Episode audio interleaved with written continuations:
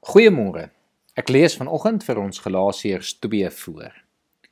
14 jaar later het ek weer Jerusalem toe gegaan.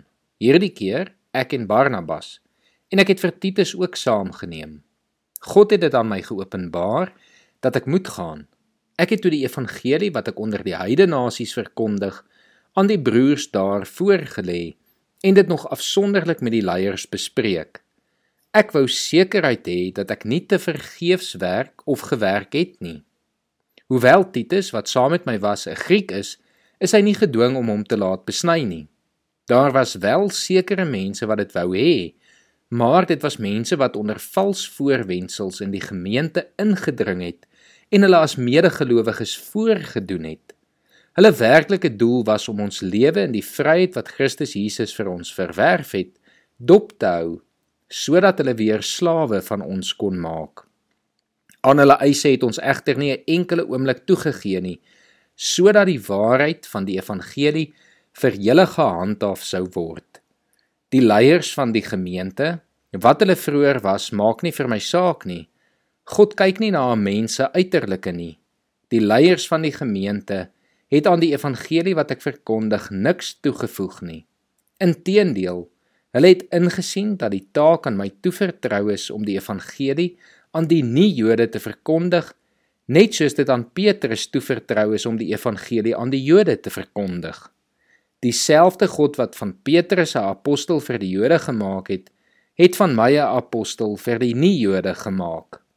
Toe hulle dan ingesien het dat God my hierdie voorreg gegee het, het Jakobus, Sefas en Johannes wat beskou is as die pilare van die gemeente, my en Barnabas die regterhand gegee as teken dat ons en hulle medewerkers is. Ons het ooreengekom dat hulle die evangelie aan die Jode sou verkondig en ons aan die nie-Jode.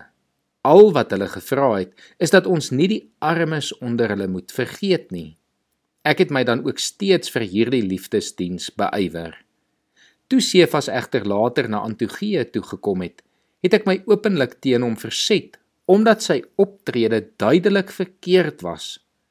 Voordat daar van Jakobus se mense aangekom het, het Sefas gewoonweg saam met die nie-Joodse gelowiges geëet. Maar toe die mense daar aankom, het hy hom onttrek en hom eenkant begin hou, omdat hy bang was vir die voorstanders van die besnydenis. Die ander Joodse gelowiges het ook saam met hom begin hygel en selfs Barnabas het hom deur hulle hygelary laat meesleep. Toe ek sien dat hulle van die regheidpad van die evangeliese waarheid afwyk, het ek daarvoor almal vir Sefas gesê: Jy is 'n Jood en jy hou jou nie meer aan die Joodse gebruike nie. As jy self leef asof jy nie 'n Jood is nie, hoe kan jy dan mense wat nooit Jode was nie, wil dwing om te lewe asof hulle Jode is? Ons is Jode van geboorte en nie sondaars uit die heidene nie. En tog weet ons dat 'n mens nie van sonde vrygespreek word deur die wet van Moses te onderhou nie, maar alleen deur in Jesus Christus te glo. Ook ons het tot die geloof in Christus Jesus gekom. En dit is hoe ons vrygespreek is deur in Christus te glo en nie deur die wet te onderhou nie. Want geen mens word vrygespreek op grond daarvan dat hy die wet onderhou nie as uit ons soeke na vryspraak in Christus gebleik het dat ons ook sondaars is, beteken dit dan dat Christus in diens van die sonde staan? Beslis nie. Maar as ek die bepalinge van die wet wat ek nietig verklaar het weer laat geld, dan maak ek myself daarmee tot 'n oortreder. Maar wat my betref, deur die wet is ek vir die wet dood, sodat ek vir God kan lewe. Ek is saam met Christus gekruisig. En nou is dit nie meer ek wat lewe nie, maar Christus wat in my lewe. Die lewe wat ek nou nog hier lewe, leef ek in die geloof in die seun van God wat sy liefde vir my bewys het deur sy lewe vir my af te lê. Ek verwerp nie die genade van God nie. As 'n mens vrygespreek kon word op grond daarvan dat hy die wet onderhou, sou dit immers beteken dat Christus verniet gesterwe het. Waaruit leef jy? Vir wie leef jy? Waarvoor leef jy? Ons het Sondag gehoor dat ons in onsself moet sterf En hier in hoofstuk 2 van Galasiërs word dit weer eens so mooi beklemtoon. Dit is nie meer ek wat lewe nie, maar Christus wat in my lewe. Niks wat hierdie wêreld bied kan werklik vir ons lewe gee nie.